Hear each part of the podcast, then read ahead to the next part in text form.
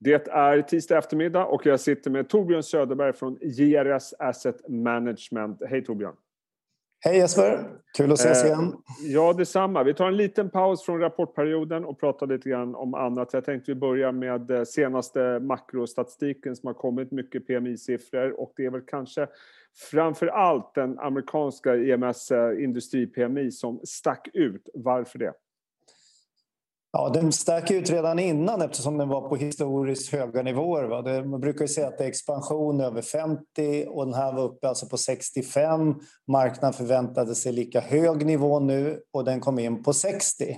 Ja. Eh, Sverige gick ju ännu högre upp och närmade sig 70. Det här är ju nivåer som vi i USA och Sverige nästan aldrig har sett. I USA, så, om jag inte missminner mig, 1983 eller någonting. Så att, Sen är det ju ett knepigt index för att det, är ju, eh, det mäter ju bara månadsförändringen och att det då accelererar så länge som nästan ett år nu är också väldigt ovanligt. Och det, det är fortfarande väldigt höga nivåer även om det kom in eh, svagare än väntat i USA. Hur får det här för effekt på räntan och kanske framförallt framöver tror du? Eh, ja, det kan ha lite olika effekter. För precis som du säger, även om det kommer in då på 60 istället för eh, 65 så innebär det att det är en väldigt hög expansionstakt. Efterfrågan är extremt stark. Det som påverkar det här indexet positivt är att det är leveransförseningar men samtidigt då att vågar man inte bygga på eh, Alltså man, har, man har problem med komponentbrist och annat så att man ser att producentpriserna åker upp. Eh, vissa av företagen har ju klausuler så att de kan kompensera sig vidare. Ehm, men det är klart att börjar man se ehm, prishöjningar på jag menar, många råvaror är ju upp eh, 30 procent senaste kvartalet. Och eh, det kan ju ge inflationsimpulser till slut om det här blir bestående. Det är ingenting, vi, vi, tror som Fed att det här är övergående. Det, här, det blir som ett kosläpp nu eh, i takt med att ekonomierna öppnar upp. Men sen när man är över den pucken då kommer vi tillbaka till någon slags normaliserad nivå. Men eh, det är otroligt eh, överhettat på, eh, på sina håll just nu. Dessutom, vi är mitt inne i rapportperioden som överlag har varit eh, bättre än väntat, inte minst på resultatet. Några reflektioner därifrån? Ja, det var extremt bra resultat och man tycker ju där att redan innan så hade ju konsensus då, de flesta företagsanalytiker justerat upp i takt med eh, det har varit kapitalmarknadsdagar och de har eh, sett hur makrodata har Eh, Eh, utfallit och mobilitetsdata och annat. Men ändå så lyckas man överträffa förväntningarna. En del är naturligtvis ehm, en del av ökningen ska jag säga är ju naturligtvis baseffekt eftersom vi började stänga ner för ett år sedan eh, under mars. Och, eh, men sen är det kostnadsbesparingar fortfarande och konferensresor och en del. Men genomgående så är det ju högre efterfrågan än förväntat högre effektivitet än förväntat. Man har ju, många företag har varit otroligt snabba på att ställa om produktion, eh, digitala investeringar och ökat IT-investeringar ökar med över 30 procent. Eh, och en hel del företag har kunnat priskompensera så en del har höjt priserna mer än, än insatsvarorna också på grund av att efterfrågan är så stark. Så överlag är det ju en eh, klart högre vinster än vad analytikerna förväntar sig. Och ungefär i hälften av fallen så är det en positiv kursreaktion vilket vi säger att det låg, eh, placerarna var mer optimistiska än vad analytikerna var inför de här rapporterna. Och, du nämnde prishöjningar. Det har ju varit eh, lite grann en röd tråd, tycker jag i alla fall, under rapportperioden att det är flera bolag inom olika sektorer som har lyckats höja priserna, i vissa fall rejält. Eh, kommer det här spä på inflationsoron, tror du? Ja, de företag jag uppmärksammar och kommer ihåg så här. Eh, Essetil, Electrolux, Volvo. Ja, jag, jag, tror ju fortfarande då, om man ser det från Feds synvinkel kanske, eh, och andra centralbankspolitiker så tror jag att man har det kanske är för mycket att säga att man målar in sitt hörn, men man har ju varit väldigt tydlig med att eh, för att man ska börja strama åt så ska vi ha en stabilitet på en lägre nivå på arbetsmarknaden och vi ska vara bakom den här pandemin och återöppnande av ekonomierna. Och då tror inte jag, alltså med tanke på att arbetslösheten fortfarande är så pass hög, så eh, de inflationsimpulser vi har nu borde vara tillfälliga. Prisökningarna ska ju inte direkt översättas till inflation. Men det är ju inte hugget i sten bara för att vi har haft en deflationistisk eh, värld eh, nästan nu 30 år bakom oss, att det fortsätter. Vissa, vissa bestående fenomen tror jag att vi kommer att se, just det här med att eh, världshandeln med protektionism och annat sammanfaller. Först hade vi handelskriget. Nu har vi någon slags... Eh, nu går man mot autonomi, att man vill istället ha eh, all produktion inom landets gränser eller ha en bättre synkning, i alla fall på nära håll, av produktion och försäljning och transporter. Eh, och kombinerar man det med att vi haft pandemin som gör att man inte vill utnyttja resandet på samma sätt Eh, och det blir vissa flaskhalsproblem så här vid återöppnandet så om det här sprider sig till både din, min och andras förväntansbild, vilket är redan, vi har ju en förväntansbild inprisat eh, på inflationsswappar och annat där man kan se att inflationsförväntningarna är ju snarare 2,5 långsiktigt än Feds mål på 2. Det har de varit historiskt också, men Ehm, egentligen styr ju det mer än vad Fed kan styra egentligen. Om vi har den förväntansbilden och priserna stiger så till slut så kanske lönekompensationerna måste ge vika. Men eh, vi kommer att ha höga inflationsdata av basskäl nu under maj, juni. Eh, om det där inte ebbar ut tidigt eh, under hösten, då, då tror jag Fed börjar skruva på sig. Och, och apropå Fed och eh, centralbanker rent generellt. Eh, vad, vad, kan man liksom dra för reflektioner kring de här enorma krafttagen som ändå har gjorts? Nu börjar det surras lite grann om tapering och så vidare. Men liksom, i vilken kontext kan man sätta de här enorma stimulanserna? Och vilken effekt har det framförallt fått? Förutom det uppenbara. För ett år sedan, hur, hur snabbt då centralbankerna, framförallt med Fed i spetsen, hur snabbt man agerade, så kraftfullt man gjorde det under bara några veckor. Mm. Eh, där hade man nog inget val, men jag måste också ge dem cred för bra... Liksom, det är starka beslutsfattare, det är stora beslut. Och, eh, eh, och det behövdes nog för att inte det här skulle gå i baklås. Eh, sen när, när man adderar det då till de här otroliga finanspolitiska stödåtgärderna. Så sammantaget så pratar vi om över 20 procent av BNP för vissa länder, framförallt USA som är en jättestor ekonomi. Eh, så frågan är ju nu när vi har fått upp vi kommer att få en tillväxttakt i USA på mellan 6 och 10 procent här under de här kvartalen. Och så har börskurserna åkt upp med både 50 och 100 procent beroende på sektorer och länder. Då är ju bara, vad ska man säga, känslan är ju att, att behöver vi verkligen konstgjord andning fortfarande? Eh, den största effekten det har fått, eh, om man ska liksom rent titta kvantitativt, så är det ju på aktiekurser, kreditspreadar, fastighetspriser, bostadspriser och så vidare. Ehm, och den tillgångsinflationen fångas ju inte upp i vanliga inflationsmått. Nej. Eh, men om man jämför, vad ska man säga, ehm, med samma lön som för ett år sedan om man ska köpa ett sommarhus nu så är det ju väldigt mycket dyrare. Eh, I många fall 50 procent dyrare. Ja, eh, var det värt att ta den vad ska man säga, värt att ta den vägen? I det här fallet tror jag inte man hade någon, man hade ingen eh, annat val. Men det blir nog svårt, alltså hur man ska backa ur det här eh, om man inte börjar i år.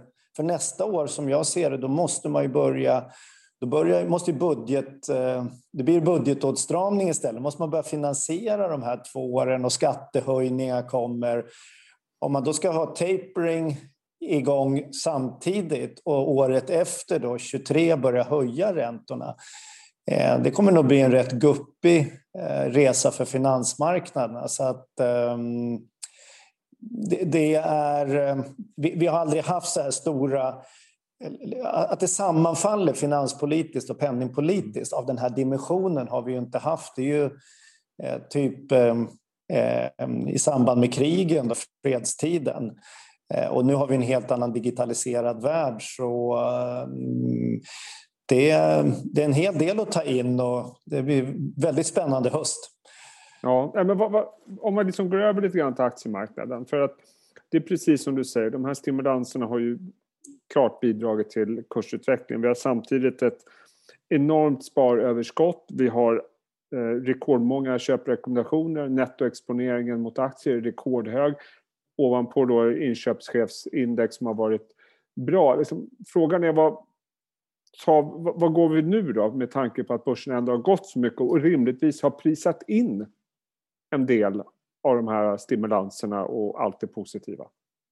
Ja, ja men det är ju lite av ett momentumproblem. Ser man att det är centralbank, expansionen i centralbankernas balansräkning som har puffat på finansmarknaderna, ja då kommer ju den expansionstakten i procent, även om de fortsätter att köpa i år, så minskar ju den. Så liksom själva impulsen mot börsen blir ju mindre.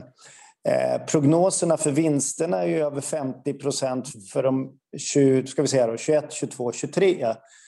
Eh, men där tror jag fortfarande att där kan det vara underskattat. Eh, så att eh, vid kvartalsrapporterna så kanske man kanske blir orolig inför kvartalsrapporterna och så kommer kvartalsrapporterna exempelvis nu i juli och så är de bättre igen.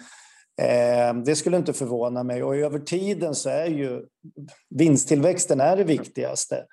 Ehm, jag kan oroas lite för att när jag tittar längre ner i de här vinstprognoserna kan jag se att marginalerna förväntas stiga. Och det har jag lite svårt att se om vi säger från nästa år va, med det blir någon procent på löneökningar men framför allt då att vi fortfarande har en värld som blir mindre globaliserad och höga insatsvarukostnader och mycket av den snabba kapacitetsutnyttjande ökningen får vi ju i år. Där kan jag vara lite orolig. Ehm, sen har vi en annan struktur eh, sektormässigt än vad vi hade både för 5, 10 och framförallt för 20 och 30 år sedan.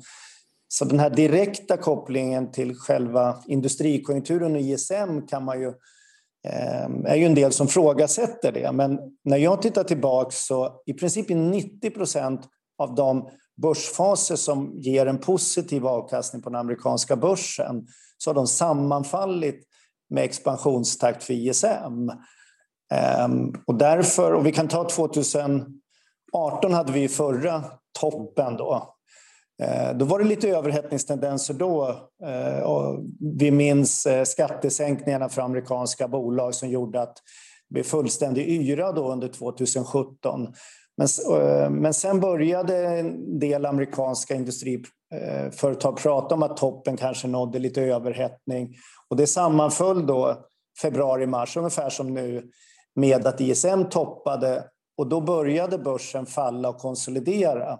Och jag kan tänka mig nu att eh, det är fortfarande så att ser man till vinstavkastning, direktavkastning, lönsamhet, balansräkningar och vinsttillväxt, eh, då finns det ju nästan bara aktier man ska ha i portföljen med en horisont på två år. Men tittar jag på tre till sex månader och ser till risken för att långräntorna borde börja normaliseras och stiga eh, och att att om man inte blir imponerad av den resultatökning som kommer i de här rapporterna, då måste det ju komma eh, antingen en kortsiktig och lite mer våldsam korrigering ner på börskurserna, eller så får vi en väldigt eh, en intervall att börsen går sidledes kanske fram till juli, augusti. Så, så att en realekonomisk återhämtning är nödvändigtvis inte positivt för aktier. För det är lite så diskussionen har varit i börsen att nu kommer det bli sån himla halleluja-stämning här i mm. höst när allting öppnar upp. Men, men, det är liksom inte en självklarhet som du ser det. Nej, alltså, jag vill ju mena att om behovet av att investera sammanfaller med ett större konsumtionsbehov eh, Eh, så försvinner ju indirekt likviditetsimpulser för börsen. Det blir en annan kapitalbindning i realekonomin som inte har funnits under eh, 2020 och 2021. Alla pengar gick liksom till finansmarknaderna. Ehm, det är ju det kanske ehm, en, en större bidragsfaktor kanske är efterfrågan då. Men jag menar om flyget, hotell och restaurangnäringen eh, ökar med några hundra procent så har inte den delen av börsvärdena är inte lika stor som Fangman-aktierna, tillväxtaktierna och industrin.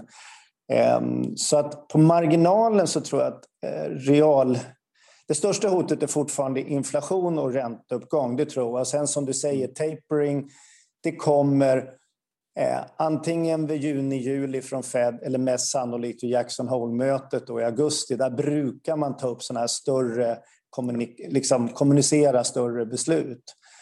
Eh, men fram till det så är det ju som du säger, eh, om ekonomin växer för snabbt från den här nivån med redan etablerade flaskhalsproblem så, eh, så tror jag att börsen kan eh, rygga tillbaks lite och verkligen syna att inte de här prisimpulserna blir bestående. Eh, avslutningsvis Torbjörn, eh, utifrån det resonemanget du har haft, då, hur ser du på allokeringen just nu då, eh, mellan olika tillgångslag och kanske framförallt aktier? Ja, skillnaden i, i den här strategirapporten mot den i januari, dels eh, vårt mest positiva scenario då var plus 10 procent och ser vi på den svenska börsen så är det upp 17 procent. Eh, och vi har ett, eh, ett huvudscenario som är positivt, vi är överviktade aktier.